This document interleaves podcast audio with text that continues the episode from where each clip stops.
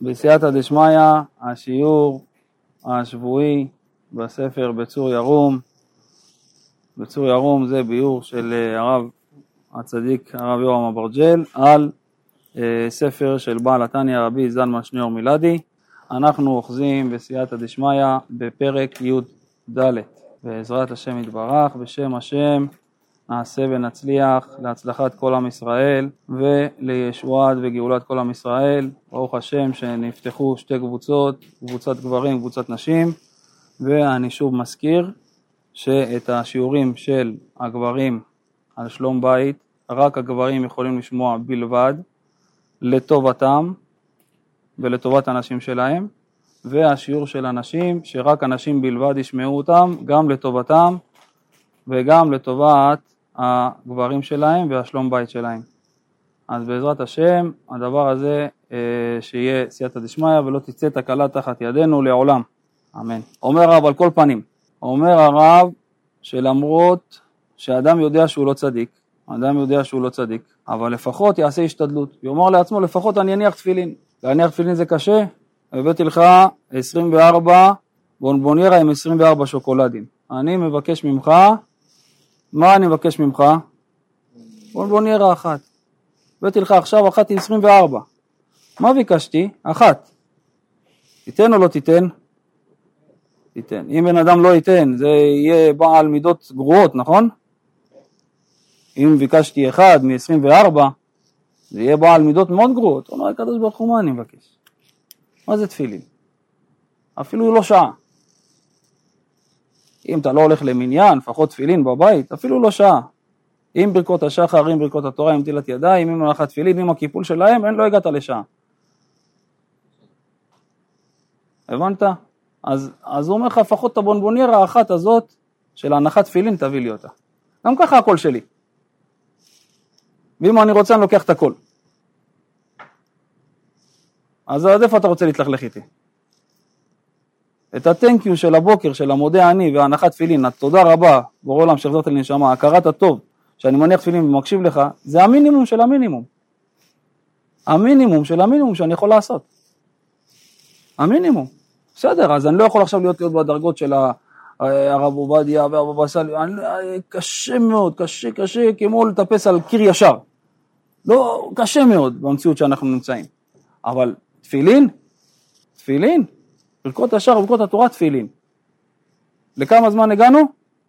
עם הקיפול, עם הכל? עוד עשר דקות. חצי בוא נראה. אז הנה, הרב, לפחות אני אתן קצת צדקה. כל יום תן שלוש מטבעות בקופת צדקה. מה אתה זוכה? שהעוד צדיק נמצאת לך על המצח למשך שבוע שלם ושומרת ומגנה עליך לשבוע שלם. כל יום תשים שלוש מטבעות על הבוקר. תעשה לך איזה כוס, איזה קערה עם מטבעות. כמה כאלה? שלוש מטבעות, שלושים אגורות. שלוש מטבעות. שלוש מטבעות, יש עניין בשלוש מטבעות. ולפני הנחת תפילין. לפני הנחת תפילין, לפני התפילה. למה? ואני בצדק יחזה פניך. מה זה בצדק? אני בצדקה, מה אני אזכה? יחזה פניך. השם יראה, יראה את הפנים שלו, ואז יהיה מה? קיבול התפילה. איפה אני שם את זה? קופת צדקה. קופת צדקה, אתה יכול או של מוסד מסוים, או שלא של מוסד מסוים. אתה יכול לקחת כוס, כוס, אתה יכול לכתוב עליה קופת צדקה, לשים סלוטפ, ולהפוך אותה לקופת צדקה. יבוא עני, אתה יכול לתת לו. יבוא מישהו מה... ראית אותו לא יודע מה, שהוא צריך, נזקק, אתה יכול לתת לו. אתה יכול לעשות מה שאתה רוצה. היא קופת צדקה. בא לך עכשיו, לא יודע מה, להביא איזה משהו לשיעור, לעשות צדקה, לשיעור שאנשים יברכו, אתה יכול לקנות משם. זה קופת צדקה. דבר מבורך. לפחות אני אתן קצת צדקה, אני אעשה מאמץ לשמור שבת כהלכתה. שמעתי שאסור לגעת בתער. מה הכוונה? לגלח עם סכין. כמה איסורים בן אדם שמגלח עם סכין עובר? חמש לאווים, חמש איסורים. יש חמש נקודות שאסור לגעת בפנים, חמש נקודות. כל גילוח זה, זה, לשיעור אחר, אבל יש לך נקודות שאסור לגעת בהן, חמש כאלה, וברגע שאתה מתגלח אתה עובר חמש לאווים. מה, זה, מה הכוונה פשט חמש לאווים? אה, מה הכוונה אה, חמש לאווים? חמש חזירים. חמש סטייקים של חזיר. בשמיים מסתכלים על לאו באותה צורה, כמו שהשם אמר, לאו אסור לאכול חזיר, השם אמר לאו לגבי גילוח הפנים בתער, בסכין, זה לאו וזה לאו. זה שזה נכנס בקרב העם ואתה נגעל מזה וזה השם ישמור ואנחנו יהודים ומי ייגע בדבר הזה אפילו אנשים רחוקים לא נוגעים מה פתאום זה משהו אחד אבל בשמיים איך מסתכלים על זה? שקרנפת חמש חזירים לא מחשבותיי מחשבותיכם לכן מה? יש מכונות מכונות עם כשרות של בד"ץ אתה הולך למחסני השוק כל חנות של מכבדת את עצמה יש מכונה עם כשרות ומה? אתה לא תראה, לא תראה את ההבדל, אני אגלח בן אדם עם מכונה, עם כשרות של בד"ץ ועם סכין, אתה לא, תגיד, אתה לא תצליח לזהות מי המכונה ומי הסכין. מה לא עברת איסור? אני קניתי מכונה שכתוב באישור מכון סומי. יפה מאוד, זה מה שהתכוונתי. ונו, יש הבדל בין סכין לזה? הנה. יותר מהר. אבי, אתה שומע? אין הבדל. אתה מסתכל על זה, אתה רואה חלק, אני מסתכל על זה אתה רואה חלק, אבל מה? זה איסור, זה היתר. כמו חתיכה של סטייק, אתה יכול לראות חתיכת סטייק של פרה, חתיכה סטייק של איזה, של אה, קרנף. נראה אותו צבע, אותו סטייק, אותו זה, אותו דבר. איסור, היתר. היום גם מכונות כאלה משוכללות שגם אתה יכול להתקלח איתן. אתה יכול להתקלח איתן, גם לא נהרסות גם במקלחת, הן נגד מים. ובמידה והתגלחת, אז עדיף כבר לעשות את זה עם זה. אתה גם ככה עושה את זה, אז אתה עושה את זה כמו שצריך. אין כזה הבדל. אין כזה הבדל. וגם אם אתה קונה מכונה, אין הבדל בין המכונה של הצומת של הבד"ץ למכונה לא של צומת של בד"ץ. אין הבדל במחיר. כמעט אותו דבר. אין הבדל. וגם של פיליפס, של כל החברות הכי טובות. למה להפסיד? למה להפסיד? זה ממילא אתה עושה, וזה לא עושה, וזה לא גורע ממך, וזה לא מכער אותך, ואתה לא מרגיש שום הבדל. אז למה לא לעשות את זה כמו שצריך? אתה גם ככה עושה את זה, אז תעשה את זה כמו שצריך, אתה קושר נעליים, תעשה את הקשרת נעליים כמו שצריך, אתה תרוויח מצווה. אתה שוטף פנים, אתה מנקה את הפה בבוקר, אז תעשה את זה כדי להתפלל נקי, להיות נקי לכבוד הקדוש ברוך הוא, להתפלל עם פה נקי לקדוש ברוך הוא. כוון את זה, זה, זה הכוונה שלך שתהיה. גם ככה אתה עושה את זה, אז תרוויח מצווה. שמעתי שאסור לגעת בטהרת ההר משחית את צינורות הפרנסה. כל הפרנסה של הבית תלויה בתיקון של הזקן. למה? יש הבדל בין שערות הראש לשערות הזקן. שערות הזקן חלולות, זה אתם יכולים לבדוק את זה מדעית, הן חלולות כמו צינורות, שערות הראש הן סתומות. לכן תמיד אנחנו משתדלים לעשות במקום הזה, באזור הראש, הגברים תמיד משתדלים מה לעשות? לגלח. למה? כי זה רומז על דינים, זה סתום. אבל זה רומז על שפע. הצינורות של הזקן, השערות של הזקן רומז על צינורות של שפע. וכל הפרנסה תלויה בזקן של הבן אדם. ואם בן אדם משחית את זה בתא, הוא פשוט קורע ומשחית וחותך את הצינורות של הפרנסה שלו. ואם חס ושלום אני אעביר תר על בשרי, אני אגרום שכל פרנסתי תשאב לאפס. קראתי דיבור שהרב יורם כותב במפורש, שבעל שלא ייגע בזקן שלו, אשתו תאהב אותו, מבטיח לו שאשתו תאהב אותו עד כלות הנפש.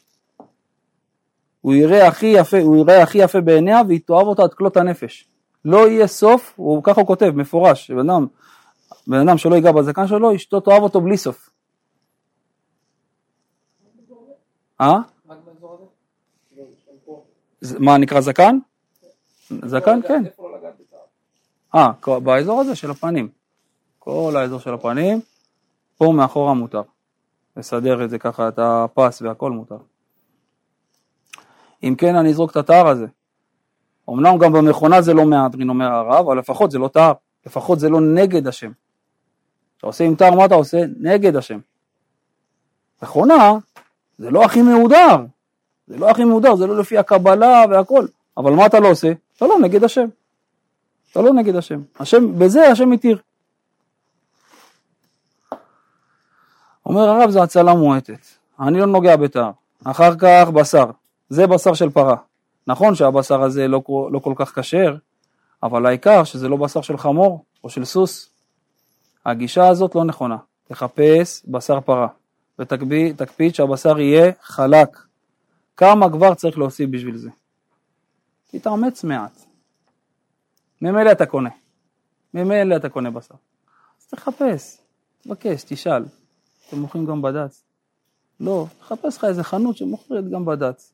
את אותם חלקים של הכשר הרגיל, יש גם אותם בחלק. כל חלק שיש לך אותו בכשר הרגיל, יש לך אותו גם בחלק. תוסיף עוד כמה שקלים, מה עשית? אכלת בשר כשר למהדרין, שאין עליו שום שאלה ושום פקפוק. ספרדי שלא אוכל חלק, הוא נכנס לספק שהוא אוכל טרף. צריך, זה, זה עוד פעם, זה, זה עניין של התבוננות. זה פשוט להתבונן על הדברים, לקחת לתשומת לבך ופשוט לדעת להיזהר. להיזהר בדברים האלה. והמחיר לא משהו... כלום. הנה, הוא יגיד לך, כלום, כלום, ממש כלום. אין, אין, אין כמעט הבדל. רק תשתדל תמיד שלא יישאר חתיכות. אפשר אם להגיד לו לנקות טוב, אם אפשר להגיד לנקות טוב את הפלנצ'ה טוב, שלא יישאר חתיכות, יהיה אפשר להקל בזה. תתאמץ מעט, גם כשאתה רוצה לקנות כל מיני מאכלים, כתוב עליהם תוצרת רמאללה, תוצרת וייטנאם, תוצרת יפן, בשביל מה לך לקנות אותם? אתה יודע מה יש בפנים? האם אתה מוכן לתת לילדים שלך לאכול סוכריות שייצרו אותם גויים? אתה יודע איזה שמן של חזירים הם שמו? אתה יכול לדעת, אכפת להם מה הם שמים שם? גם אם אין שם רכיבים של איסור, אבל יש בעיה של בישולי נוכרים. כל הרכיבים הם פיקס, אבל מי בישל את הדברים? מי הדליק את האש? מי הדליק את האש? מי בישל אותם? כל שכן שזה חברות של חו"ל, זה לא חברות שבארץ ויש פיקוח, חברות של חו"ל. אם אין כשרות על זה, זה בעיה. בעיה גדולה, למרות שיש גם את זה בבד"ץ. יש גם את זה בבד"ץ. יש את של ה-K או ה-U, זה קשה, כן. לכן תמיד טוב שבן אדם יהיה לו, יקבע לעצמו פוסק שבקיא בעניינים של כשרויות. בעזרת השם נעלה איזה, נעלה טלפון של פוסק שבקיא בכשרויות, שהוא ממש בקיא בכל העניינים הפנימיים שבתוך כל כשרות וכשרות, והוא יפסוק לך כל דבר לגופו. כל דבר לגופו, יש דברים ב-KF שיגיד לך כן, יש דברים שיגיד לך לא, יש K, יש O ו-K, יש, כל, יש מלא מלא מלא דברים. בסדר? יש של אנגליה, יש של uh, אמריקה, יש כל מיני, אתה מבין? כל דבר לגופו. לכן תהיה זריז להתרחק מדברים כאלה. מי שנותן לילדיו לאכול מדברים כאלה בסוף הם יצאו מהדי חס ושלום. למה? כתוב, אל תקרא ונטמאתם בם, אלא ונטמתם. ונטמטם בם. מה זה עושה ללב? עושה טמטום הלב. לא יצליח להבין את הגמרא, לא יצליח להבין את הרש"י, לא יצליח להבין את החומש, לא יהיה לו חשק לתפילה. אטום. כמו עכשיו לקחת עורלה, כמו שיש עורלה למטה, יש גם עורלת הלב. מה יוצר המאכלים האלה? עורלה על הלב. אין חשק, לא בא להתפלל, לא בא לו לשמור שבת, לא בא לו ללמוד, לא בא לו לפתוח ספר. למה? זה העניין הזה, טמטום הלב. אז מה נגיד עכשיו, אולי אולי עכשיו מקרה אביעד, הכל חלק, הכל טוב, אבל היה שם איזה טעות. היה טעות. חשבו שזה חלק, אבל העבירו שם בפס הזה של החלק, העבירו גם משהו שהוא לא חלק, שהוא טרף. ושמו עליו חותמת והכל. אם אני אוכל את זה, מה, מה אתה אומר? ויש על זה חותמת והכל, ועשיתי את זה באמונה שלמה. לא אשם. רגע, עכשיו, לגבי הטמטום הלב, יהיה לי טמטום הלב או לא יהיה טמטום הלב? לא יהיה טמטום הלב. זה הנקודה. למה? למה? כי הכל הולך לפי התמימות והכוונה שלך. אתה קנית, שמעת שהרב יורם זצ"ל והרב עובדיה זצ"ל אמרו מחפוד ועטרה זה על הצוואר שלהם, תאכל בלב שקט. תאכל בלב שקט. אה, שמעתי ככה וככה, והרב הזה דיבר, והרב הזה... לא מעניין אותי. הם אוכלים, אני לא יותר מהם. הם אוכלים, אני לא יותר מהם. ואם אני מרגיש שאני יותר מהם, אני נגוע בגאווה מסריחה. אני נגוע בגאווה מסריחה, זה ריקבון מוגבר, פצוע עד אנוש, גוסס, ארז דווי, גאווה מסרחת. אי אפשר שגדולי עולם מתירים דבר מסוים ואוכלים דבר מסוים ואני אגיד שאני לא אוכל את זה. מה עשיתי אותם? קטנים ממני? אני כאילו יותר, אני מתחסד עליהם. דברים, את הדברים האלה הם מתירים ספציפית ואוכלים. מתירים ואוכלים ואמרו שעל הצוואר שלהם. אתה מבין? לכן מה? אין לך מה לפחד. דוגמה קלאסית, שולחן ערוך, מה כתוב? פסיקה בשולחן ערוך, מרן, רבי יוסף קארו לפני 500 שנה, בעל השולחן ערוך, כתב ככה. התערב... שתי חתיכות של בד"ץ, של בשר פרה בד"ץ. חתיכה אחת של אה, בשר חזיר. התערבבו ביניהם, אתה לא יכול לזהות ביניהם. התערבבו בצבע, בתבלינים, בהכל, באפייה, בבישול, אתה לא יכול לזהות ביניהם. התערבבו לך שלושת החתיכות האלה, שתיים של בד"ץ, אחת של חזיר, התערבבו לך. מה יהיה הדין? שלושתם עכשיו מו- מו- מו- מוגשים לך במגש. מה יהיה הדין שלהם? שלום וברכה. אה?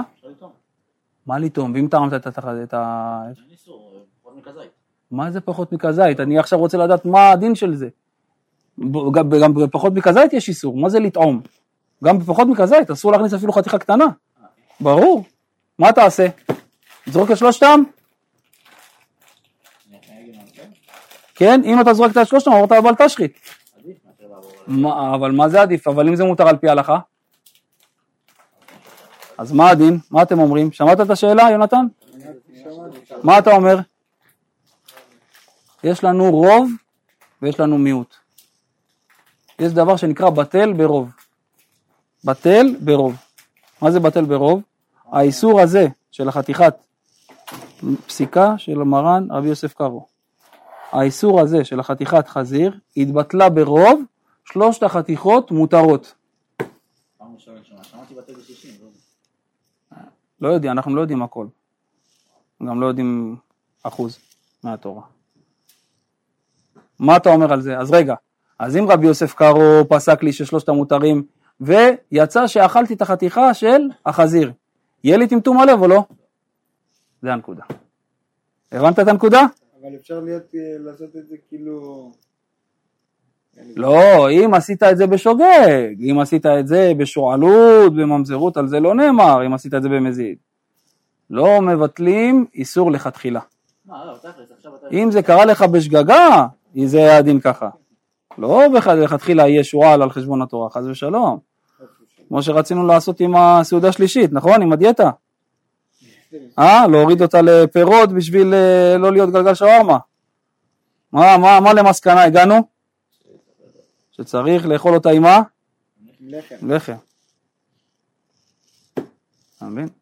הרב, אם זה לא בגלל דיאטה, אם אני באמת לא לא מסוגל לאכול. לא מסוגל, זה מה שהתורה התירה. ההלכה היא התירה, פה התירה לו. במקרה כזה היא התירה. אם אתה תצטער מזה, וזה יעיק עליך, ותיכנס לרמה, ו... אה. אה. לכן חכם עיניו בראשו, ומה יעשה בסעודה שנייה של החמין? יאכל קצת, וגם לא יאכל אותה באחד, וגם לא יאכל אותה בשתיים, יאכל אותה אחרי התפילה. אז כשאתה מגיע כבר לסעודה שלישית בארבע, בחמש, הגוף כבר נהיה רעב, אז אפשר לאכול. כל דבר מסודר בתורה, כל דבר מסודר בהלכה. שאלה אם אתה הולך בקו או לא הולך בקו. אם אתה לא הולך בקו, חייב לאכול? מדין, מדין תורה, מדין מההלכה הפסוקה, צריך לעשות שלוש סעודות בשבת, בפת. תגיד, הרב, מאיזה שעה אפשר לאכול סעודה שלישית? סעודה שלישית היא מחצות יום, מאחד נגיד? מאחד וחצי. מאחד וחצי? כן. נגיד אצל יוסי הוא רואה את שניהם, נהוג לאכול באחד. בסדר. בסדר, השנייה. שנייה. בסדר, אז יחשב להם שנייה, אין בעיה, הכל טוב. לעשות בבוקר איזה פת שחרית, יכול לעשות? הולכים- הולכים איזה עוגה, משהו, יש משהו. כן, אז במקרה כזה, זה במקרה כזה שאתה אוכל את העוגה בבוקר אחרי התפילה או משהו, יוסי, מה שאתה צריך לעשות זה קידוש ולשתות רביעית ולכוון שזה אה, קידו, אה, קידוש במקום סעודה. שהרביעית של היין תיחשב סעודה. בסדר? אז בב- בבוקר לעשות קידוש. בטח. בבוקר צריך לעשות קידוש. אחרי הבית כנסת, צריך לעשות קידוש עם סעודה. עכשיו אם אתה לא רוצה לעשות, לעשות את הסעודה עכשיו, אתה רוצה לעשות אותה באחד, אתה צריך לשתות רביעית יין. ואם אני רוצה לשתות יין בסעודה שלישית במקום הלחם אפשר? לא. יש, בלי קשר לזה, יש דין של הרמב"ם, שצריך לעשות קידוש בסעודה שלישית. אנחנו לא פוסקים ככה להלכה, אבל מי שמתחסד, יש עניין על פי החסידות, על פי ההלכה, על פי החסידות, מי שרוצה להיעדר, לעשות אה, קידוש. לא, לא לעשות קידוש, לברך הגפן. בסעודה שלישית לברך הגפן. למה? לצאת לדעת כל הדעות. לברך, סברים מרנן לחיים, בורא פרי הגפן, זהו, לשתות, שלוק. בסדר? יפה. אתם שמחים? רגע, זאת אומרת לעשות את הקידוש ביום שבת אחרי בבית כנסת ולהגיד שזה מקום. כן, אני, אתה מכוון לא, לא ככה. רוצה לאכול אבל. יפה, אתה אומר לפני הקידוש, אני מכוון? בקידוש, לא, ככה, זה אם אתה רוצה לעשות את הסעודה של המוצי באחד, כמו שאתם עושים. כן. אז כדי, ש, כדי, ש, כדי ש, שתהיה, שתוכל לעשות את הסעודה באחד, מה אתה צריך לעשות? לכוון שאת הקידוש הזה עכשיו שאתה עושה, הקידוש עכשיו שאתה עושה עכשיו של, אה, ש, ש, בבוקר, אתה מכוון שהוא הסעודה שנייה. איך אתה מכוון אותו? על ידי ששתית רביעית יין. כמעט כאילו כוס שלמה, תפרק את כל הכוס. אתה מבין? ואז לעשות ברכה מעין שלוש. על הגפן ועל פרי הגפן. בסדר? ואז אם אתה עושה את השנייה, אם אתה עושה את השנייה, אם קשה לך גם לעשות שלישית, אם אתה עושה את השנייה בסביבות אחד, תנסה לעשות אותה באחד וחצי, ואז אתה יכול לכוון אותה בתור שלישית. הבנת את הנקודה? אבל עוד פעם, אתה אה, צריך להיזהר מזה, למה? כי אתה, לא תמיד אנחנו מתירים את זה, זה לא תמיד לכתחילה לעשות את זה ככה, כי אתה פה נפטרת כביכול, אתה צריך לעשות שלוש סעודות בפת. ברגע שעשית את העצה הזאת, הפסדת סעודה אחת בפת, אתה מבין? לכן הכי טוב ללכת רגיל. בבוא, בלילה, קידוש, לחם, המוצי, דגים, בסדר? אוכלים, לחם, חלב, ברכת מזון. בבוקר קמים, תפילה, כמו שצריך, סיימת תפילה, אתה רעב, אתה קם בבוקר, לא יהיה רעב אחרי תפילה? בדרך כלל רעבים אחרי תפילה. עושים קידוש, אוכלים, חמין, קצת לחם, קצת סלטים זה, הולכים, נחים, מנחה, ארבע, חמש, שש, בן אדם נהיה רעב, עושה עוד סעודה שלישית, דג אחד קטן, חתיכה, פרוסה של לחם קטנה, משהו קטן, 27 גרם, זה, אוכל אותה, מכוון סעודה שלישית, זהו. רביעית. יהיה חלקי, אומר תראה מה זה רבי יוסי, טענה בגמרא, יהיה חלקי מאלה שסיימו של... אה, שעשו שלוש סעודות בשבת. יהיה חלקי עמהם. מה זה? ניצל מחבלי משיח, ניצל ממלחמת גוג ומגוג, נותנים לו נחלה בלי מיצרים, מגשימים לו משאלות ליבו. מה, מה, מה, מה זה, לא, לא, לא הגיוני, אתה אוכל ואתה מקבל את כל הדברים האלה. מה זה, זה, זה, זה כיף זה, אה אביעד? אתה אוכל ומקבל את כל הדברים האלה, ככה. אז מה, אז, אז, אז גם על זה אני, גם על זה אני אתפלפל. אומר לך הקדוש ברוך הוא תאכל, תשתה, תקבל שכר. לא, לא, אפשר להתפלפל איתך על זה, בורא עולם, בוא נתפלפל קצת. למה אבל? למה? למה? אני רוצה לזכות אותך, אני רוצה לשמח אותך. וטוב לנו כל הימים, זה לכם יהיה טוב. לכם, כל המצוות שלי זה לכם טוב, בעולם הזה ובעולם הבא, זה לכם, בשבילכם זה טוב. אתה תלך בקו שלי, לך יהיה טוב. כתוב בגמרא בחגיגה דף ט"ו עמוד א', שאלישע בן אבויה היה צדיק גדול, הוא היה צדיק יסוד עולם. הוא היה רבו של רבי מאיר בעל הנס, כן? זוכרים שלמדנו את הגמרא הזאת בחגיגה? את הסיפור שם, את הסוגיה עם רבי אלישע בן אבויה. בסוף ימיו הוא עזב את הדת והיה מחלל שבת והתעסק עם כל מיני נשים ברחוב. בסוף ימיו הוא עזב את הדת וחילל שבת והתעסק עם פורצות. כפר.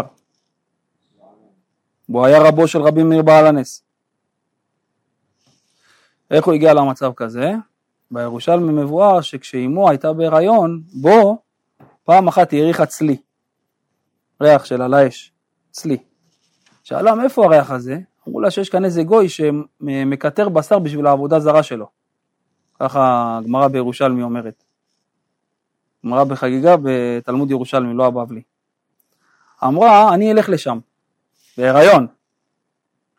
זה התחיל לעלות לה, החשקים. אמרו לה, אבל אסור לאכול את זה.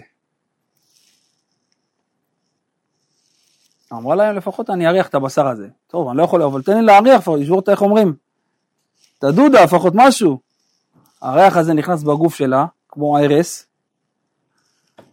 ולכן, וגרם לכך שכל ימיו של הילד הייתה לו שנאה נגד השם. רבי אלישע בן אברויה היה לו בפנים כמו חיידק רדום. חיידק רדום. חיידק רדום. עשה איזה משהו קטן לפי מדרגתו, חיידק התעורר. אבל זה נרמז בגמרא, כן? שזה לא יתפרץ החוצה, זה כל ימיו של הילד הייתה לו שנאה נגד השם, רק שזה לא יתפרץ החוצה. אבל זה נרמז בגמרא בחגיגה בעמוד ט"ו עמוד ב', דף ט"ו עמוד ב'. ומה שאמרו עליו בשעה שהיה עומד בבית המדרש, היה קם, היה יוצא מהכל מבית המדרש, אה, הרבה ספרי מינים נושרים מחיקו. המינים של האפיקורסים שנגד השם וזה, הוא היה יוצא מהבית מדרש, לומד תורה, נופלים לו ספרים של אפיקורסות ומינות. בהסתרה, בהסתרה, בבית מדרש, לפני שהוא הוא כפר בעיקר. כשהוא היה קם מהבית מדרש, היו נופלים לו ספרים של אפיקורסות ומינות. זה לא באמת היה כאילו... אבל מצד שני הוא היה רבו של המבין והעלס, לא יכלת לעמוד מולו בתורה. אבל כל זה מאיפה זה בא? זה התחיל מהעיבור, מהלידה, מהאימא, מההיריון. בסוף שהגיע הזמן הוא יצא מהדרך. כי כשהילד נבנה ברשע, כשהילד נבנה ברשע, הוא יוצא לתרבות רעה. זה קרה להרבה ילדים, כי הם נהנו ממאכלות אסורות. אומרת הגמרא בבבא מציעא, דף ס"א עמוד ב', אם הקדוש ברוך הוא העלה אותנו ממצרים רק בשביל שלא נאכל מאכלות אסורות, כבר היה כדאי לקדוש ברוך הוא, העסקה הזאת הייתה משתלמת לו. רק על מנת זה, שלא תאכל מאכלות אסורות, שלא תאכל נחשים, שלא תאכל עקרבים, שלא תאכל שרימפסים. רק בשביל זה שווה לו להוציא אותך ממצרים, שווה הקדוש ברוך הוא להוציא אותנו ממצרים, רק בשביל הדבר הזה. לא? לא, עשו, אבל כאילו תראה עד איפה זה מגיע, הרחמים של השם. אם רק את זה אתם מקבלים, היה שווה להוציא אתכם, אומרת הגמרא. לכן יש הרבה אנשים שזכו לעשות תשובה, בגלל שגם קודם לכן, כשהיו רחוקים משמירת תורה ומצוות, על דבר אחד הם שמרו, הם לא נגעו במחלות אסורות. פגשתי כמה אנשים שהיו במקומות רחוקים וחזרו לתורה, ואמרו בפיהם שזה מה ששמר עליהם. בכל מקום שהם היו, בטיסות של הגויים וכדומה, היו מגישים להם בשר של דבר אחר, חזיר, הם לא רצו לגעת באוכל הזה. אפילו שהם לא היו קשורים לדת. רעב מת, רעב, עובד שלו מקרקרת, מביאים לו עכשיו דבר אחר, לא נוגע. לא נוגע. יאכל את האצבעות, יאכל את הלב, אני לא אגע בזה. אתה יודע מה הוא זכה? שיהיה לו איזה מישהו שיזרוק לו איזה מילה של תורה, יבוא פעם לאיזה שיעור, ידליק לו את הניצוץ, יעשה לו את ההצתה הראשונה של הסטארטר, ירוץ על התורה. ירוץ, יטרוף אותה. אבל בטרף הם לא רצו לגעת, בגלל שהם נשמרו מאוכל אסור, הניצוץ של הקדושה שמר עליהם. אבל הם זכו לזה בגלל ההורים שלהם שהקפידו על זה מאוד כשהם היו קטנים. הם לא ויתרו להם. מאיפה הממתק הזה? יש בו חלב נוכרי. זה לא מתאים לנו. זרוק אותו מיד לפח. אפילו שהם לא נראים ככה. חלב נוכרי לא נוגעים. לא נוגעים. זרוק אותו לפח, אבל יש כאלה שמכשירים. אני אבא שלך ואני לא מכשיר את זה. אל תאכל את זה. כמה עולה הסוכריה הזאת? שקל? קח עשרה שקלים, תקנה לך משהו אחר. לא ייקח. לא ייקח. אסור חלב נוכרי, אבל. קח חלב נוכרי.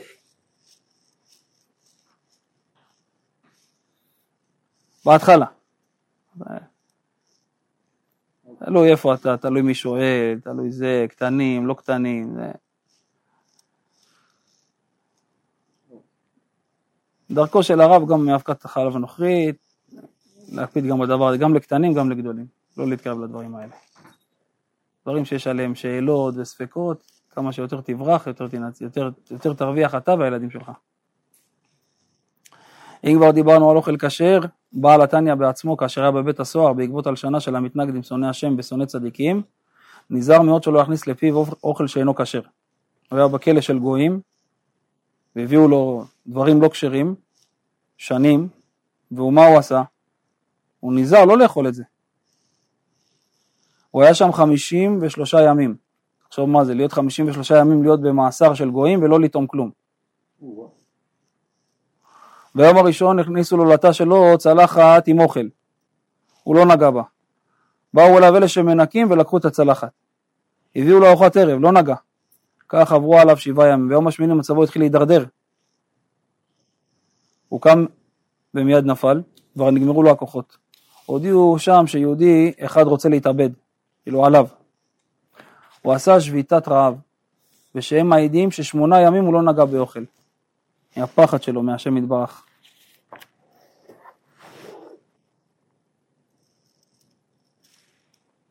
בעל התניא. אור האורות. כל הספר הזה זה ביאור על מה שבעל התניא כתב, כן? תלמידו של הבעל שם טוב, ממשיך דרכו של הבעל שם טוב, ושהבעל שם טוב היה הסנדק שלו. עשה לו את החלקה, לא את הסנדק, אני חושב שהוא עשה את החלקה, והוא ממש היה מהדור שהכי צמוד כאילו לבעל שם טוב, ממשיך את החסידות. אז ככה 53 יום, 53 יום, לא אכל, לא. לא. אבל אני מאמין שהיה שם ירקות ולא אכל הכל. אז הנה בוא נראה, כנראה שגם את זה הם ידעו והם לא היו ששים ושמחים להכניס לו את זה, אתה מבין? כיוון שהם פחדו מהרעש של העיתונות, הגויים, כאילו עכשיו שהוא ימות ויהיה בזה רעש וזה ויתחיל להיות בלאגן, שיגידו שהוא מת בבית הסוהר ושצריך להקים ועדת חקירה, החליטו לשלוח אליו את אחד האחראים. אמר לו אדוני הרב למה אתה לא אוכל את האוכל שמביאים לך? שואל את בעל התניא הגוי למה אתה לא אוכל את האוכל שמביאים לך? אמר לו אסור לי לאכול אני יהודי וליהודי אסור לטמא את הנשמה הקדושה שלו במחלות אסורות. אמר לו כשהייתי קטן אפילו שאני גוי למדתי קצת על היהודים ולמדתי שרק על שלושה עבירות יהודי צריך למות ולא לעבור עליהם. ככה אומר לו הגוי. על עבודה זרה, שפיכות דמים ועריות. אוכל זה קשור לשלושת הדברים האלה? אבל לאכול מחלות אסורות זה לא אחד מאלה, אם כן מדוע אתה נמנע מלאכול? כשעליו קושייה חזקה. קושייה במקום, נכון? אם אתה לא תאכל אתה תמות, ולא יתירו לך למות על דבר כזה. גרוי מקשה על הבעל התניא, הקשה עליו. אמר לו, ומה יקרה לי אם אני לא אוכל? אמר לו, אתה תמות, ומה יקרה לי אחרי שאני אמות? שואל אותו בעל התניא, ומה יקרה לי אחרי שאני אמות? אמר לו, אתה לא תיכנס לגן עדן, אלא תלך לגיהנום. למה? כי מתת על דבר שאסור למות. זה לא עבודה זרה, זה לא שפיכות דמים, זה לא גילוי עריות, זה נמנעת מאכילה. אז הגוי אומר לו, אם אתה תמות, יכניס אותך לגיהנום. אמר לו, אני מודיע לך, שגם אם ידונו אותי לדורי דורות, לדיראון עולם, בגיהני גיהנום, במדור השביעי, בשור עולם, אני לא אכניס לפי דבר טמא. נצח נצחים, אני אהיה במדור השביעי של גיהנום, אני לא אכניס לפה שלי דבר טמא. אומר לו בעל התניא. שתבין שבעל התניא, יש לו 53 יום הוא היה בכלא, כנגד זה הוא חיבר בכלא, בלי ספרים. 53 פרקים של התניא שאנחנו לומדים עכשיו בלי ספרים.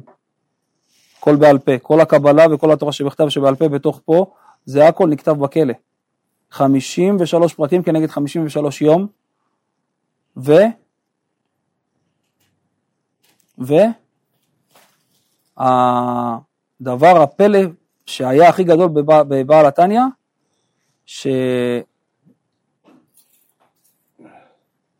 שהספר שלו מרוב שהוא קדוש יש לו קדושת ספר תורה. ספר תורה מותר לנקד? בעל התניא הזהיר שאת הספר שלו, התניא עצמו, לא מי שמבאר את התניא, אסור לנקד אותו. הוא הזהיר שיש לזה קדושה, קדושה כמו של ספר תורה. המילים של התניא עצמם, בשום ספר מעולם לא תראו אותם מנוקדים, כן? ספר התניא, זה, המילים האלה של התניא, מה שבגדול פה, מה שביותר מבואר, בגדול, בחיים לא תראו ספר של תניא מנוקד, בחיים, מעולם. והיה אחד שכן, ידע שאסור ו- וניקד את זה, למחרת הוא לא קם. יש 53 פרשיות בתורה, וכנגדם יש 53 פרקים בספר התניא. קדושת ספר התניא כקדושת ספר תורה. מה זה לעייף בשבילו מחלה? צ'יפס. מה זה להעביר בשבילו מחלה מבן אדם? אדם שקורא כמה פרקים בתניא, מצאו אחרי שהבעל התניא נפטר פתק שהוא כתב ככה, כל אדם שיקרא אפילו כמה שורות בספר התניא ויגיד שלוש פעמים רבי יושיעני, רבי יושיעני, רבי יושיעני, אני אושיע אותו ואני אעשה לו נס ופלא מעל הטבע באותו רגע, בהבטחה. פתק מכתב ידו של בעל התניא. ראינו ניסים או לא? צריך להחזיר לך את זה, זהו, היא סיימה את כולו. שיעור אותו אצלכם. תנא גמורה. אמר לו, אני מודיע לך שגם לדירי דור- דורות לדיראון עולם בגיהני גיהנום בדור השביעי בשאול לא אכניס לפי דבר טמא כי הגיהנום הקשה ביותר עלי אדמות מכל השבעה מדורים אם לשונו של יהודי נוגעת בדבר טמא זה יותר גרוע מהשבע מדורות של גיהנום אם הלשון תיגע לי בדבר טמא איזה יראת שמיים אה? שמונה ימים לא אוכל כלום מוכן למות רק לא להכניס דבר טמא בכלא? בוא נראה. כשאותו גוי שמע את הדברים האמיתיים האלה, הוא הזדעזע עד עומק נשמתו. אמר לו, אולי בכל זאת אני אוכל לעזור לך. אמר לו, אנחנו נמצאים בלינגנרד. בכניסה ללינגנרד יש שלט, יהודי לא ידרוך בעיר הזאת. אם כן, אין כאן יהודי. איך אתה יכול לעזור לי? אמר לו, אם זאת הבעיה, נחפש יהודי מחוץ לעיר, שאנחנו מכירים אותו. הלך והביא סוחר אח- אחד יהודי והציג אותו לפני האדמו"ר. לפני האדמו"ר הזקן. שאל אותו במה, אתה, במה הוא עוסק? אמר לו שהוא סוחר בהמות. הרב ביקש ממנו שכל בוקר יביא לו סלק אדום. סלק אדום, מג'מיל. ויבקש מאשתו שתשלוק את הסלק עד שיתרכך היטב ושאחר כך תרסק אותו. תשלוק אותו עד שהוא רך ואז תרסק אותו, את הסלק. ושלא יזרוק את המים שאשתו שלקה בהם את הסלק, אלא שיסנן אותם ויביא לו אותם בתוך הבקבוק. בתוך בקבוק, לבעל התניא. כן, למה? כדי להחזיר לעצמו את הכוחות. כנראה שבסלק יש הרבה ויטמינים וברזל, והוא היה צריך לעשות את זה במינון. כי אם הוא היה מכניס אוכל, אחרי שמונה ימים שבן אדם לא אוכל, אז הוא... בדיוק. וכך, ברוך השם, לאט לאט הוא התחיל לחזור לעצמו, הוא אכל סלק, מאותו יום עד שיצא מבית הסוהר. זה המסר שקיבלנו מאדמו"ר הזקן, לא להקל במאכלות. תראה מה יוצא. איזה קודש קודשים יוצא מדברים כאלה. הרי השם ידבח חקק בטבע, שגוף האדם יכול לסבור שבעה ימים בלי שתייה, ו-12 יום בלי אוכל. ככה הוא חקק בטבע. שבע ימים בלי שתייה, הגוף יכול לסבול, ו-12 ימים בלי אוכל. כך שגם אם קרה ואדם נקלע לאיזה מקום והוא מרגיש שכמעט אחז אותו בולמוס, אתה יודע מה זה בולמוס, שבן אדם כבר מרגיש שהוא מתחיל לרעוד בגוף, מתאווה לאוכל ברמה שהוא רועד כבר, מרגיש שהוא מתחיל כבר אה, למות. והנה הוא נמצא ליד איזה מסעדה, צריך לדעת שלא יקרה לו כלום אם הוא לא יאכל. יש אנשים ששלושה ימים לא אכלו כלום, ועברו את זה בקלות. הבבא סאלי עליו השלום היה מתענה שישה ימים ברציפות. ממוצאי שבת עד יום שישי. והיה מעביר אותם כמו מים. לכן כדאי להחדיר את השיחה הזאת לילדים בשולחן שבת. לספר להם על המסירות נפש של בעל התניא. ייתכן מאוד שהבן שלך ישאל אם הוא לא אכל שבוע ימים, איך הוא חי? האם הסיפור הזה אמיתי? הוא ישאל אותך הרבה שאלות, תענה לו בסבלנות רבה, אל תכעס עליו, הוא באמת לא מבין. קשה לו להאמין שיש כזה מצב. תסביר לו שאם הוא לא אכל שבוע, שבע ימים, כשאדם עובד כך עם הילדים שלו, הוא מחדיר למודעות שלהם את הזהירות ממאכלים שאינם כשרים. בדרך כלל שיש בבית הכנסת שבת חתן או ברית מילה או שמחה אחרת, תמיד מחלקים סוכריות. יש כאלה שמביאים סל מלא, והילדים ממש במסירות נפש אוספים את הסוכריות. פזצת, נכון? פול, זחל, צפה, נכון? הילדים פזצת על הרצפה בזריקה. הם נאבקים על כל סוכריה. עם כל האהבה הזאת, אחרי שהילד אוסף שקית מלאה בסוכריות, הוא בא לשאול, האם זה כשר, או שכדאי לזרוק את זה? מסר נפש עכשיו, כמעט קיבל בוקסים, דחיפות, זה, כולו שרוט, מזיע, החולצה נקרעה כמעט. הוא בא לך בסוף עם הפאות שלו ככה מתוק, אפשר לאכול את זה? זה כשר או שלזרוק את זה? הרי הילד אוהב מאוד סוכריות, הסוכריות הזה זה חלק מהמציאות שלו, בכל זאת הוא בא לשאול אם זה כשר או פסול. יש פעם שכל הסוכריות כשרות, הוא יכול לאכול אותן, ויש פעם שאומרים לו, זה לא בשבילך, תזרוק אותן לפח, אני אפצה אותך אחר כך. כשאתה אומר לו, יש לך דבר כזה, כל החיים שלו, בכל מקום שהשם ישים אותו, בסין, ביפן, בכל מקום אחר, הוא לא יתעסק עם אוכל שלא כשר. זה חדר לו לדם ולוורידים מישהו קטן.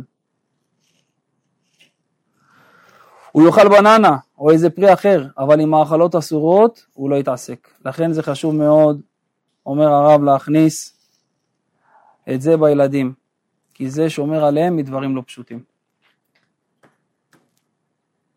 באו לחפץ חיים. זוג התחתן, הביאו ילד. הביאו ילד, באו לחפץ חיים, הרב תברך אותו. אמר, אתם איחרתם ב-20 שנה.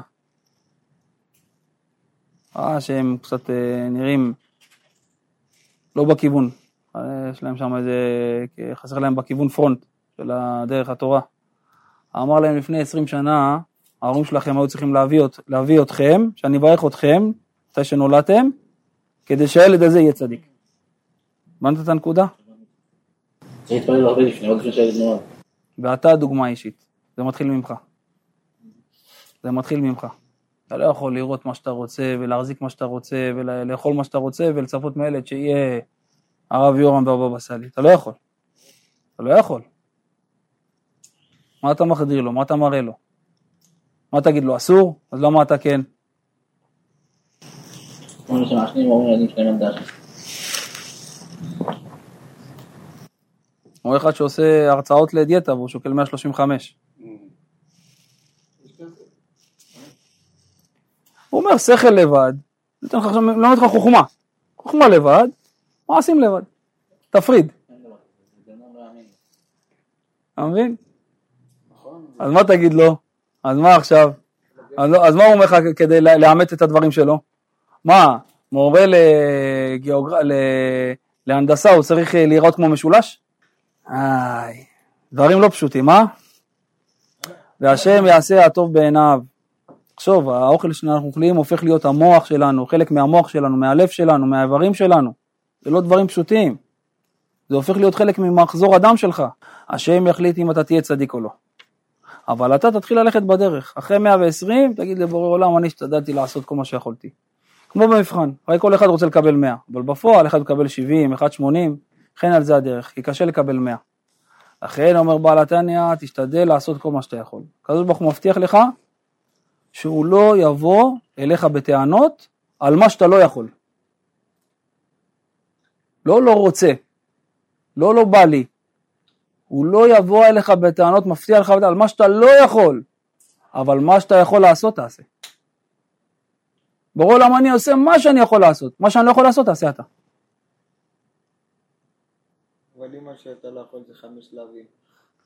אמר רבי זושה, בעולם הבא לא ישפטו אותי למה לא הייתי הבעל שם טוב, רבי זושה מהנפולי. ישפטו, ישפטו אותי למה לא הגעתי לדרגת רבי זושה. בכוחות שטמנו בך, אומר הקדוש ברוך הוא, בכוחות שטמנתי בך, למה לא, לא ניצלת את כל הפוטנציאל של הכוחות של רבי זושה? מזה, משאלה כזאת אני מפחד.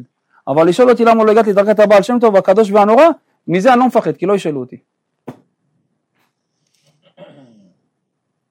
הרמב"ם כותב, כל אדם מישראל יכול להגיע לדרגת משה רבנו. רמב"ם, בפסיקה שלו, פסיקות, בהלכה, בספר הלכה. כל אחד יכול להגיע למשה רבנו. מה הכוונה? בניצול הפוטנציאל. משה רבנו ניצל את המקסימום פוטנציאל שהוא, שהמין האנושי יכול לנצל. ואת זה כל אחד יכול לעשות. וכל אחד בדרגה שלו. כל אחד בדרגה שלו. הבנת? השם לא יתבע אותך על מה שאתה לא יכול. אבל מה? לולא השם עוזרו, אינו יכול לו. אם אני רוצה, אם אני נופל במשהו, למה נפלתי? כי לא ביקשתי את העזרה של השם. אבא תציל אותי, אבא תעזור לי, אבא תן לי את הכוחות, אבא הוא מאש, העצר מאש, אני בשר ודם, הוא יותר חזק ממני, תעזור לי, תחזיר אותי בתשובה, תן לי כוח להתגבר עליו. לא ביקשת עזרה, אני לא, אני לא, אם אני לא אגיד לאביה, תביא לי את הנסטי ואת המנגו, הוא לא יביא לי. לא, אני אומר, אם אני לא אגיד לו את זה, הוא לא יביא לי. אבל אם אני אגיד לו את זה, הוא יביא לי. השם רוצה לעזור לך, אבל תבקש את העזרה. תבקש את העזרה. למי הוא עוזר? למי שמבקש את העזרה. השם החליט וקבע בטבע של הבריאה שאפילו שהוא יודע מה שאתה רוצה ואתה מכוון בראש מה אתה רוצה, הוא החליט שהוא פועל בעולם על פי מה שבן אדם מוציא בפה שלו. מה שאתה מוציא בפה זה מה שקובע, וכמה שתפרט יותר זה לטובתך. ורבי נחמן סיכם לך את זה, אי אפשר להיות יהודי כשר ללא שעה התבודדות. מה אתה עושה בשעה התבודדות? מודה לקדוש ברוך הוא על כל הדברים הטובים, מתוודה על כל הדברים הלא טובים, שעשית מההתבודדות של אתמול עד ההתבודדות של היום, ומבקש לאבא. יש דבר יותר גדול מזה? אומר לך רבי נחמן, לא יהיה לך, חיים טובים בעולם הזה. אתה תתקן את, כל, את, את הגלגול הזה שאתה נמצא בו עכשיו, ואת כל הגלגולים, מי שהיית ניצוץ אצל אדם הראשון, ולא תראה פני גיהנום. אם כל יום תקפיד לסגור את עצמך בחדר או באיזה יער או באיזה מקום בודד, אתה ובורא עולם, מתבודד איתו ומדבר כל יום שעה עם בורא עולם. אומר, זה פעלתי אצל הקדוש ברוך הוא, שאתה לא תראה פני גיהנום ותתקן את הכל. אה, זה בונבוניירה של הבוקר, בונבוניירה של הערב, בטח. זה מעולה. איזה הבטחה. מי יכול לעמוד בהבטחה כזאת, אה? התבודדות עושים כל יום?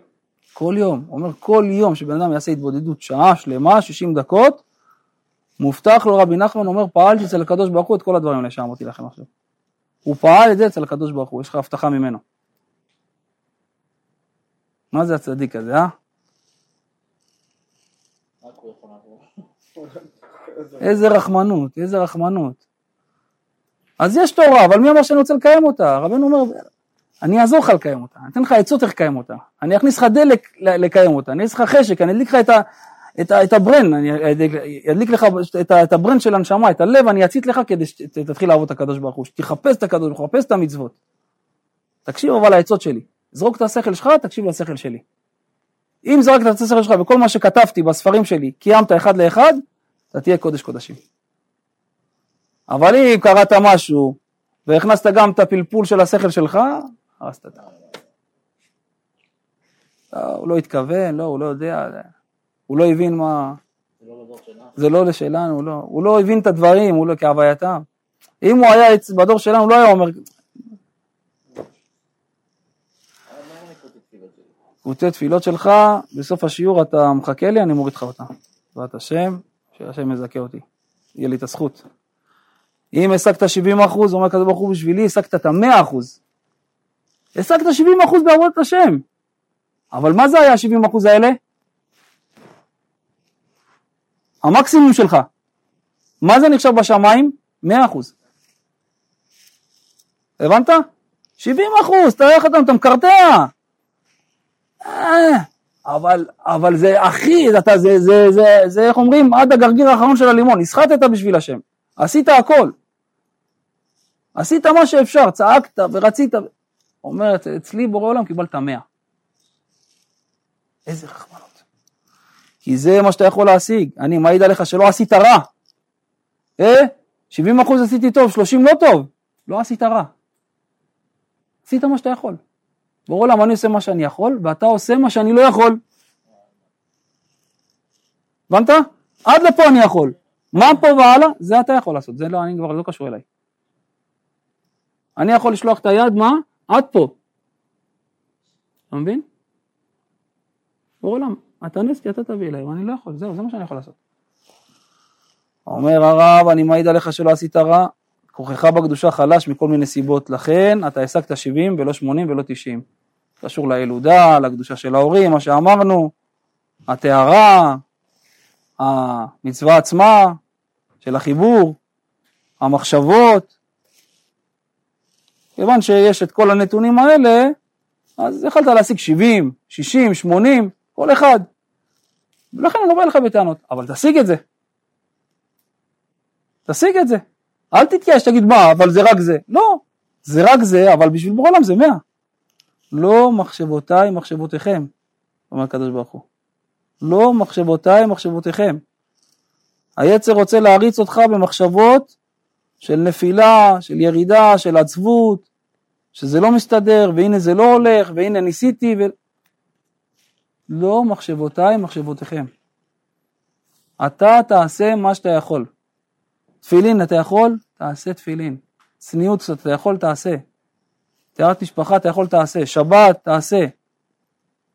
אתה עושה דברים בפרהסיה בשבת? תנסה לפחות דברים של הפרהסיה להוריד. לא הולכת עם סיגריה בחוץ. לא לנסוע. פרהסיה זה כבר דין אחר.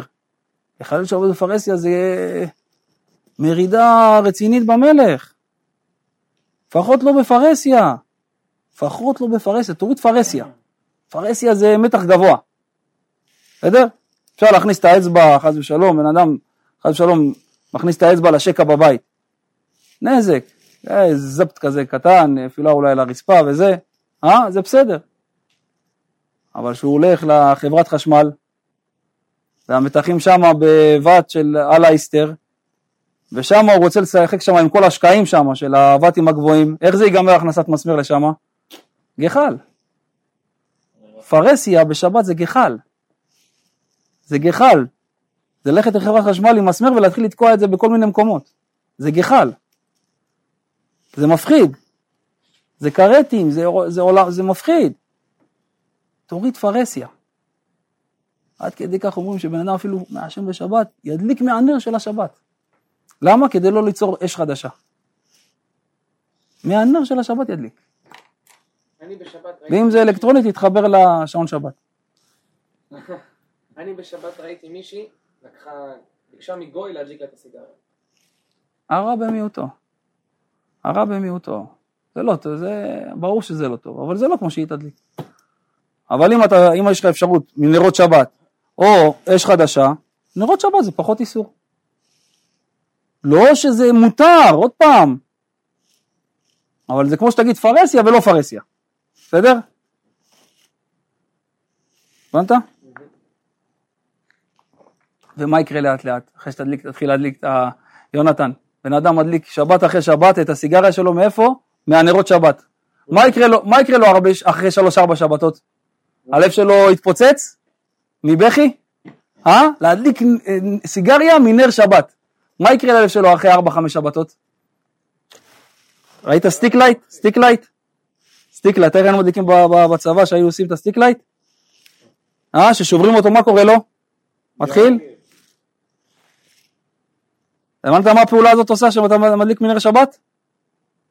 לקחת את הלב, שברת אותו, מה קרה ללב? נדלק. עכשיו הוא לא ידליק שתי נרות לשבת, הוא ידליק עשרים נרות לשבת. וילך לבתי חולים, יחלק להם נרות לשבת. שיהיה להם איך להדליק נרות שבת. להעיר להם את הנשמה, לשמח אותם לפני שבת. למה? כי הוא שבר את הלב. הוא עשה מה שהוא יכול. הוא עשה מה שהוא יכול. תעשה מה שאתה יכול, השם יעשה את מה שאתה לא יכול. לכן אם השגת 70 ולא 80 ולא 90. אומר הרב, אני מעיד עליך שלא עשית רע. לכן לעולם לא תראה חסיד אמיתי שהוא עצוב. כמו רבי ירין, ברוך הבא. טוב, חלקנו, ורבנו. אני הרב שלי לימד אותי משהו אחד, גם אם לא הספקת וטרחת, וזה, העיקר שתגיע. אמת ויציב ונכון וקיים וישר ונאמן ונחשב לך כאילו היה כל השיעור, ככה כתוב בהלכה. למה? כי הוא מוכן לספוג את הבושה הזאת ולהיכנס. כן, כן, כן, כן, כן. הבושה הזאת לבוא ולהיכנס ולספוג את ה... זה, הוא מוכן. למרות שברוך השם פה עשינו פה איזה מיתוק ככה, ברוך השם הוא נכנס עם אור טובים. ברוך הבא. לכן לעולם לא תראה חסיד אמיתי שהוא עצוב, כיוון שהוא יודע שלא יתבעו ממנו מה שהוא השיג. לכן הוא תמיד שמח. אבל אחד שלא לומד חסידות, אפשר לשמוע אותו מדי פעם אומר, אני במשבר, כל החודש הספרתי רק 20 דף גמרא, אתה יודע מה מספרים על הגאון מווילנה? אתה יודע מספרים על, רב, מה רבי, מספרים על רבי חיים מוולוז'ין, התלמיד של הגאון מווילנה? וכי אתה רבי חיים מוולוז'ין, אתה תעבוד לפי הכוחות שלך. הקדוש ברוך הוא אוהב את השמחה במה שהספקת. תעשה מה שאתה יכול, אבל תשמח במה שעשית, תשמח. תשמח. תעשה קצת, אבל תשמח בקצת. אל תעשה את זה עם פנים של נפט. תשמח. זה מה שאני יכול, בורא עולם. זכה אותי עוד. זהו השיר השמח בחלקו, לא רק בגשמיות, אביעד, גם ברוחניות. זה מה שאתה יכול, ישמח בזה. אומרים המקובלים שזה גם בעבודת השם. אדם לא צריך לחכות אחרים.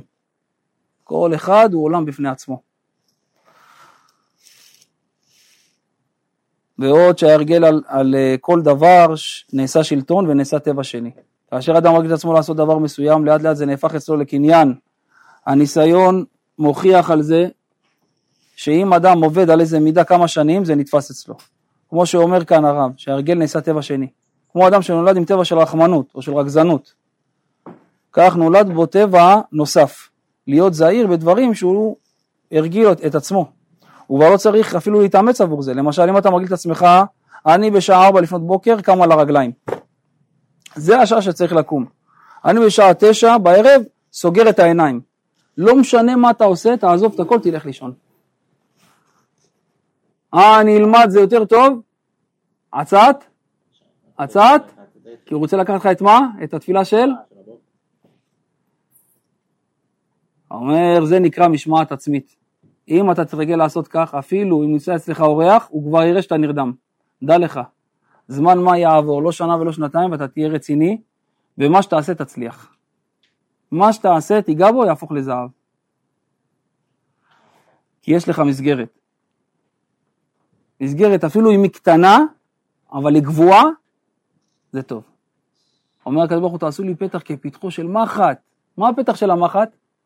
קטן, ואני אפתח לכם פתח של פתחו של אולם שעוברים שם קרנות, קרונות גדולים, של סוסים ועגלות וכרכרות.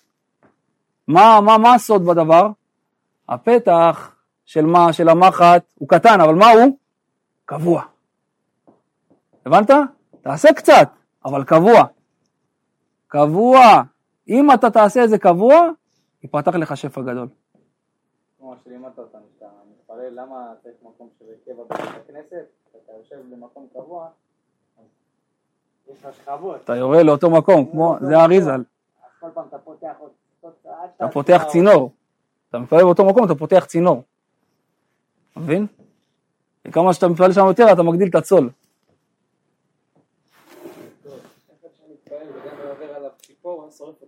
נכון, רבי נתן בן עוזיאל, כשהוא היה לומד. אתה תמיד במקום הנכון, הלימוד שלך זה לימוד, ההישג זה הישג, ההספק שלך הוא הספק טוב, כי אתה מאוד מסודר בזמן. זה עבודה של שנים, כמו שאמר אליהו, אמרתי ימים, אליהו זה חבר של איוב, אמרתי ימים ידברו ורוב שנים יודיעו חוכמה. הימים והשנים שעוברים על האדם הופכים אותו לכלי חפץ. לכן אומרת הגמרא, תלמידי חכמים כל מה שמזקינים, חוכמתם נתווספת בהם, שנאמר בשישים חוכמה ואורך ימים תבונה. עמי הארץ כל שמזקינים, טיפשות מתווספת, בהם. נהיים יותר טיפשים. תלמידי חכמים נהיים כמו יין, משתבח. תמיד המוח שלהם עובד, תמיד סוגיות, תמיד תורה.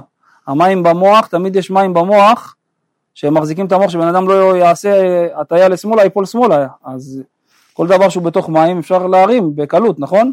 המוח נמצא בתוך מים. כשאתה לומד ותמיד מפעיל אותו, מה קורה?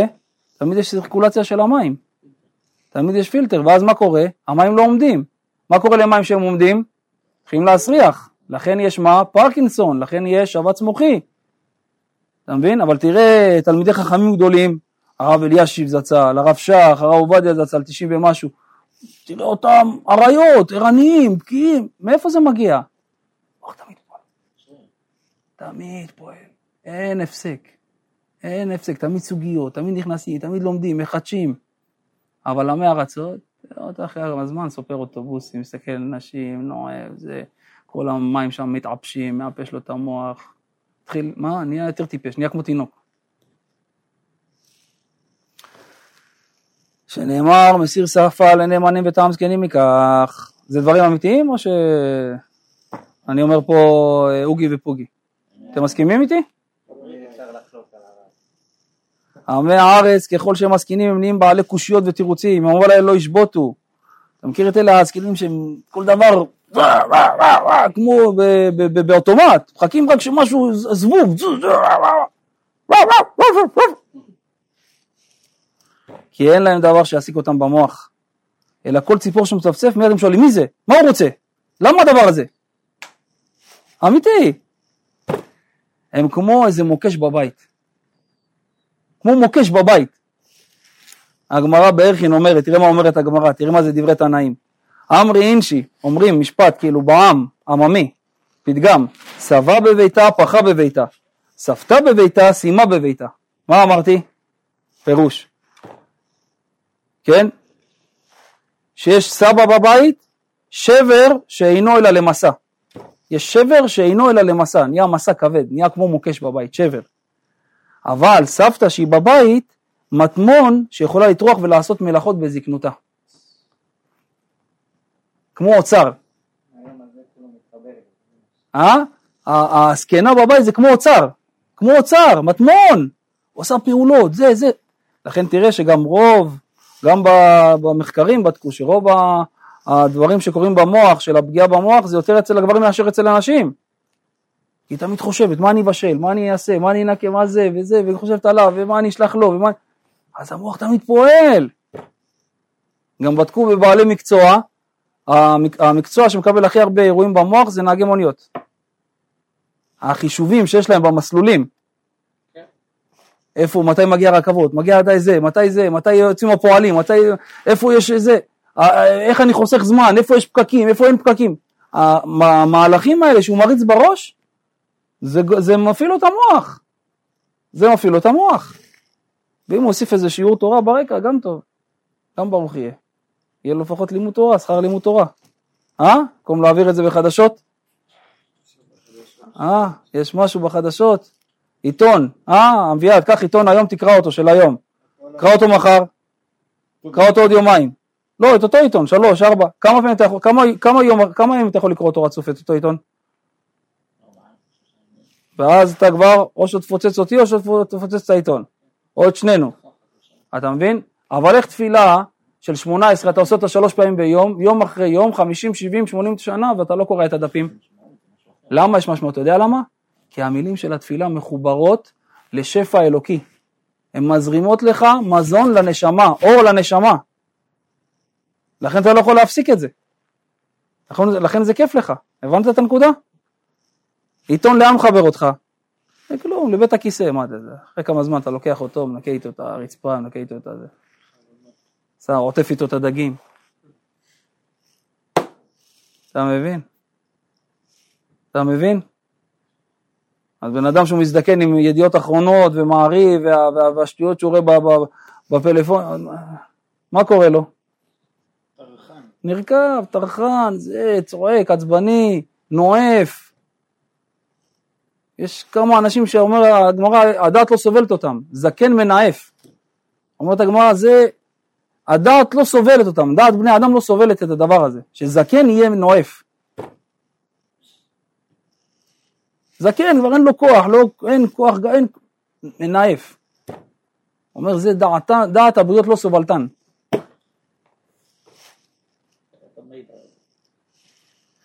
זה בגלל שאין דבר שמחזיק אותם בקדושה, אין מה שישמח אותם, ולכן נופלים לעצבות ולכל מיני מראה שחורה, וזו הסכנה להיות זקן אשמאי.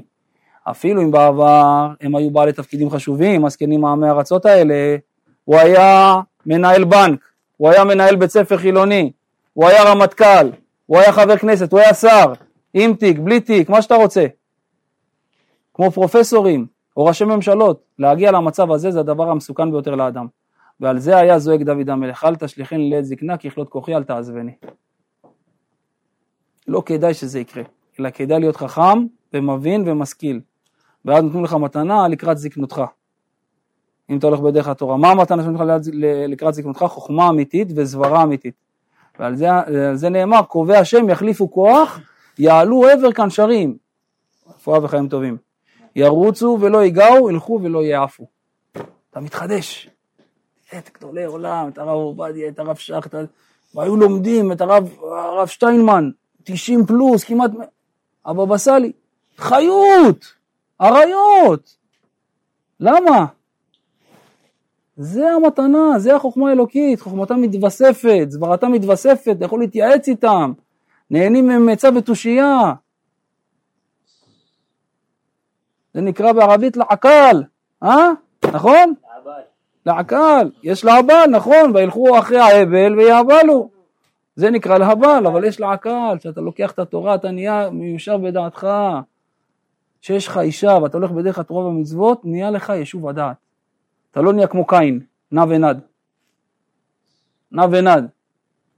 כל המוח שלך מתפזר והנפש שלך מתפזרת לאלף מקומות. חפש את עצמך. חפש את עצמך, זה נקרא אה, עובד ולומד. עובד עצות ולומד לקח.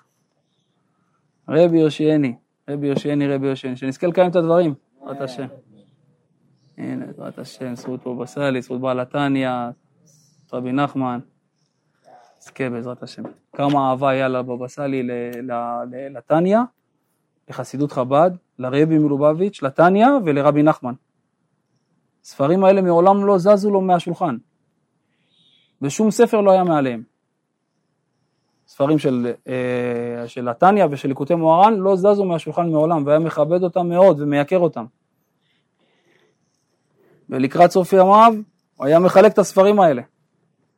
וככה סיפרו לי שגם הרב סבג, הרב שלום סבג, של ברסלב, הוא מספר של, אה, מברכה וספר של הליקוטי מוהר"ן שהביא לו אותו בבא סאלי, מזה התחיל את כל המהלך של התשובה שלו.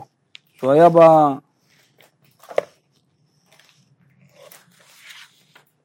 הוא אמר לו רק הספר הזה יכול לעזור לך, לך. תראה מה נהיה ממנו, הרב שלום סבא. טוב, הרב שלום סבא, תראה מה יוצא לך שם, אור, אור האורות. כל האנשים הכי בעייתיים, מחזק אותם, מעיף אותם, מטיס אותם, הופך אותם לשרפים. בקיא בתורה בצורה מפחידה. חתן של הרב דניאל זר. ישיבת נפש, מבואר בכתבי האריזה שתחילת הבריאה היא על ידי כמה צמצומים שכביכול שכביכול המשיך האור באיזה בחינה, כן? העולם של הבריאה נברא בכמה צמצומים שכביכול המשיך את האור באיזה בחינה ואחר כך העלימו. המשיך את האור לעולם ואז העלים אותו, המשיך את האור לו והעלים אותו כדי לברוא את הבריאה הזאת, ככה כתוב באריזל. וכן כמה פעמים בכמה דרכים, ועל ידי זה דווקא נתהוו הכלים שיוכלו לקבל אור. וכ- וכל זה הוא סוד מיתת המלכים ותיקונם, שדווקא על ידי השבירה והמיתה נמשך אחר כך עולם התיקון, ותוספת אור נפלא יותר. כמובן בכתבים, אבל העיקר הכל היה תלוי באדם בעל הבחירה, כי הוא היה צריך לתקן הכל על ידי התערותא דלתתא. מה זה התערותא דלתתא? עיקר התיקון זה על ידי התעוררות של האדם מלמטה. זה עיקר התיקון של כל העולמות. והתיקון הכללי והסופי זה על ידי ההתעוררות מלמטה של האדם. ועל כן אתה, גם כן הוא העיקר תלוי בתשובה של האדם. כי בהכרח שיהיה על כל פנים איזו התעוררות בעלמא, שהוא בחינות התעוררותה מלמטה, התעוררותה דלתתא. ועל כן לך דבר שעומד בפני התשובה, ועד יום מותו תחכה לו. עד השנייה האחרונה שיש לך להיות בעולם הזה, תחכה אליו ותצפה אליו לחזור בתשובה. ותרצה לחזור בתשובה. ותבקש לחזור בתשובה. אני חייב לספר משהו. איזה השגחה, רק- כן הרב. רק פתחתי את הספר הזה, ספר של צדיקים. איזה צדיק אמר מקודם אה, אייל? נתן בן עוזיאל. אה, אני בדיוק פתחתי. עליו. והוא יש לו סגולה גם ללכת לקבר שלו על... אה, זיווג. נכון. בעמוקה. כן. מי שיכול, מחר בערב, מחר בערב, ממחר בערב, שלישי, שלישי בערב, שמתחיל הלילה, עד רביעי בלילה, זה נקרא ערב ראש חודש אלול. ערב ראש חודש זה אחד הזמנים שנמצאים הצדיקים על המצבה שלהם, על הקבר שלהם, ויש שם עניין ותיקון גדול מאוד גם לנשמתו של האדם ונפשו ולקבלת תפילות. בסדר? אז מי שיכול להגיע ליוסף הצדיק, כמו שראיתם שמה, חבר'ה לא בעניינים, תכניסו אותם לעניינים. חודש אלול, חודש אלול זה סליחות, פה אנחנו מדברים על ערב ראש חודש. ערב ראש חודש אתה לא מתחיל סליחות עדיין. גם בראש חודש אתה לא מתחיל סליחות, סליחות מתחילות בעזרת השם במוצאי שבת. אוקיי. כן. אנחנו מדברים על ערב ראש חודש, יש שלושה זמנים שנשמה של צדיק נמצאת על הקבר שלה. ערב ראש חודש, לא ראש חודש, ערב ראש חודש כמו שיש ערב שבת, נכון זה יום שישי, ערב ראש חודש, ההילולה שלו בט"ו. על ט"ו יש מחלוקת, אבל יש דעות כאלה שאומרים בט"ו לחודש, בחודש? איך? שלושה פעמים מגיע. לא, פעמיים, ערב ראש חודש בט"ו, והשלישית זה ההילולה שלו. כל צדיק בהילולה שלו. כאילו היום שהוא נפטר, כמובן, היוצא. כי אפילו אם חטא כמו שחטא אלפים פעמים, עם כל זה, בכל פעם שמתעורר באיזו התעוררות לשוב אל השם יתברך, אין שום התעוררות נאבד. מה, מה קורה? אתה אוסף שטרות. כל התעוררות שיש לך לשם יתברך, אוסף שטר, שטר, שטר, שטר, שטר, שטר, יש לך הרבה שטרות, מה קרה? קיבלת טאבו, קיבלת שטח. הבנת? קיבלת שטח, מה השטח הזה עושה? נהיה שטח של קדושה שאפשר לבנות עליו היצר הטוב בניינים של קדושה, אתה יכול להתקדם. כל התעוררות של תשובה לא נאבדת, זה מצטבר לך בפק"ם לחשבון גדול, וזה יעזור לך אחרי זה, אל תזלזל. כמו שכתוב בזוהר הקדוש, לית רעותה דבד את עביד, אין רצון טוב שנאבד. כי על ידי התשובה נהפכין העוונות לזכויות. חי אלוהים כפרנקים לשם רפואה וחיים טובים, רפואה שלמה ברמה חברים שעושה גידים. גד גדוד יגודנו ויקוד עקב, גד גדוד יגודנו ויקוד עקב, גד גדוד יגודנו ויקוד עקב. ברוך הוא ישלח רפואה וחיים טובים בזכות התורה הקדושה והמסירות נפש שלך והזיכוי הרבים שלך והתחלת השיעור שפתחת אותו מלפני כמה שנים והצלחה ב- בתור מנהל הקבוצה. כי על ידי התשובה נתהפכין העוונות לזכויות, כי נעשה תיקון על ידי כל הקלקולים. כי כל מה שקלקל והמשיך, קח שתה את הכוס הזאת במכה, תהיה לך התעוררות גדולה. תרביץ, שט. כי על ידי התשובה נתהפכין העוונות לזכויות, כי נעשה תיקון על ידי הקלקולים. כי כל מה שקלקל והמשיך האור למקום שהמשיך, שזה עיקר הקלקול. אבל אחר כך, כשנתעורר בתשובה, הוא מקיים הכל. ואזי נעשה על ידי זה דווקא כלים חדשים ונמשך לתוכן אור חדש ונפלא. כי על ידי שהמשיך האור למקומות גסים, מה זה, איך המשכת האור אור למקומות גסים? ערעור, ערעור של תשובה במקומות הכי, בעבירות הכי קשות שאתה עושה. המשכת שם כלים, מה זה עשה? זה עשה שיהיה לך שם כלים לקבל שפע ואור גדול של תשובה, שאתה תהיה נמר בעבודת השם. מבחינת תכסתי ולא לא ארפנו. תפסת את הקדוש ברוך הוא, אתה לא משחרר אותו. ועל ידי זה נתעבו הכלים, ויכולים אחר כך לזכחן, עד שיתהפך הכל לטובה. שדווקא על ידי זה יתהוו כלים נפלאים לקבל האור החדש, שלא יכולים לקבל מקודם, כי לא היה אפשר להתהוות הכלים, כי אם על ידי זה, שירדת למטה, וחשבת על השם למטה, בתוך העבירה. השם אני פה אבל אני אנוס, אני רוצה אותך, אני לא רוצה את העבירה. שזה מבחינת ירידה תכלית העלייה. העוונות מתהפכים לזכויות. התרחקות, תכלית ההתקרבות. שכל זה הוא מבחינת תיקון מיתת המלכים, כתוב באריזל, שדייקה על ידי מיתתם ושבירתם נמשך אור מה, החדש הגדול ביותר, כמובן בכתבים. בסדר? זה קבלה. אבל כל זה, לאו כל אדם זוכה, כי אם בכוח הצדיקים הגדולים שיודעים את הסוד הזה לעומקו. יש פה דברים גדולים, ועבודות פשוטות של התעוררות, אבל אתה צריך את העצות ואת ההתקרבות לצדיקים האמיתיים, שמגלים את זה ויכולים לפעול לך את הפעולות האלה. שהם יכולים לעורר בני אדם לתשובה ולחזק כל אחד ולהעלות כל מיני התעוררות בעלמא בכל נקודה טובה, ולתקן על ידי זה כלים נפלאים באופן שיתקן, יתוקן כל, כל אחד ביתר שאת. שים לב מה הוא כותב פה. אומר רבנו תביאו לי טיט ותבן ואני אבנה לכם בניינים נפלאים. תביא מה שאתה יכול, אפילו טיט ותבן. המעשים שלך, הראיות שלך, זה, הפגימות, הכל, אבל תביא טיט ותבן, התעוררות פה, תפילין שם, צעקה פה, התבודדות, צדקה, משהו, זיכוי הרבים. תביא טיט ותבן, תתחבר לצדיק, מה הוא יבנה עם זה? בניינים נפלאים. על כן צריך לחפש מאוד אחר הצדיק, כל פעם שכתוב בספרים של רבנו צדיק, רבי נתן מסביר שזה הולך על רבי נחמן. אז אתם לא צריכים לחפש, כבר מצאתם. כזה שיכול לעסוק בתיקונו, והחיפוש והבקשה בעצמה היא טובה גדולה מאוד לנצח, ואפילו אם קלקל כמו שקלקל. כי אה, כתוב שהבבא סאלי, אה, אה, הבן שלו, הבבא מאיר, נפטר שנה לפניו. כאילו קודם נפטר הבבא מאיר, הבן של הבבא סאלי, ואז נפטר הבבא סאלי. בשנה הזאת הוא נתגלה אליו, שהוא היה בהקיץ, תוך כדי לימוד הוא נתגלה אליו, והתחיל, והבבא סאלי התחיל לשאול אותו שאלות. מה היה, מה קרה, מה פה, מה שם, דברים עמוקים מאוד.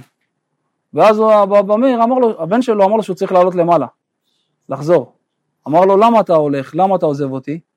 תשאר עוד קצת, אני רוצה לדבר איתך, אני אוהב אותך. אמר לו, יש שיעור של רבי נחמן, שהוא מוסר לכל הצדיקים ואני צריך לשמוע אותו. רבי נחמן בגיל 37 נפטר, מוסר שיעור לכל הצדיקים בגן עדן, ואני לא רוצה לפספס את השיעור, אז אני צריך לחזור.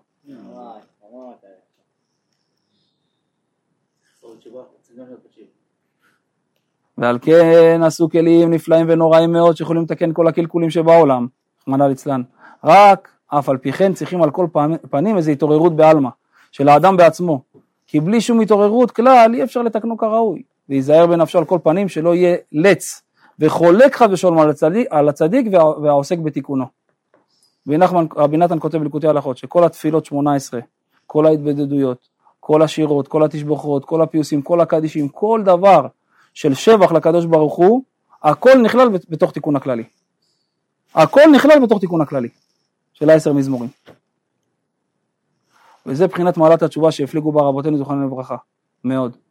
אדם לא יכול, תפילין על הבוקר, ברכות של רבות, תפילין, מקווה נץ, מקווה ותיקון הכללי. אם אתה יכול לעשות כל מקווה ותיקון הכללי, אתה תקבל אור כזה גדול על הנשמה שלך ובהתעוררות של תשובה שאתה לא תבין מאיפה זה בא.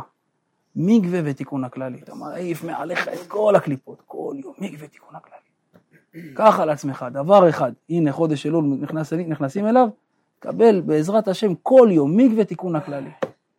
שתי דברים עוצמתיים, פצצת אטום, פצצת אטום לכל ה, כל ה, כל הטומאה וכל הכתמים וכל הסטרא אחא שיש בנו, וכל השדים והמזיקים והכתמים שעשינו לנשמה מהעבירות שלנו, הכל זה מנקה. מקווה תיקון הכללי, כל יום. שבמקום שבעלי תשובה עומדים, וכן אמרו רבותינו ז"ל, שמגעת עד כיסא הכבוד, מי? התשובה. כי דווקא מחמת שירד למקומות נמוכים ומגושמים כאלה, והתגבר בכוח הצדיק לעלות משם. על זה דווקא נעשים כלים נפלאים לקבל האור הנפלא. מה שאין צדיקים גמורים יכולים לקבל אור כזה, מחמת שאין להם כלים כאלה. צדיקים גמורים לא יכולים לקבל אור כזה, למה? כי הם לא ירדו למקומות האלה הנמוכים. הם לא הכניסו לשם כלונסאות בכלל.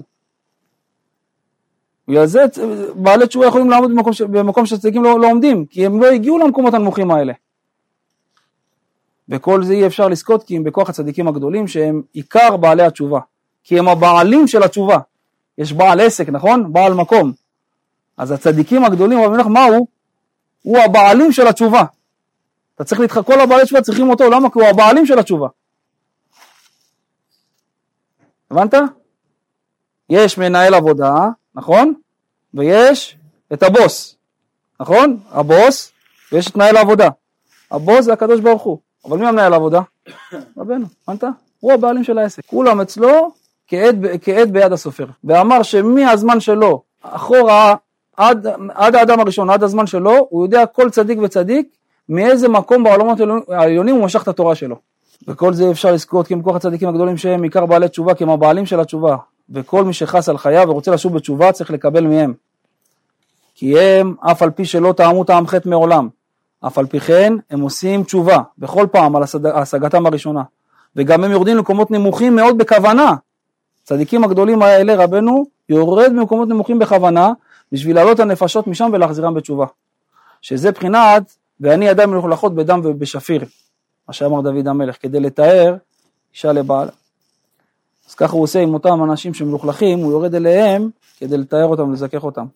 כך אלו הצדיקים יש תקווה לכל מי שיאחוז בהם, שיעלה מיומק ירידתו לעלייה גדולה, שיהיו נעשים על ידי זה דווקא כלים נפלאים לקבל את האור אינסוף, כראוי. רק העיקר שישמע לדבריהם וילך בדרכיהם מעתה על כל פנים.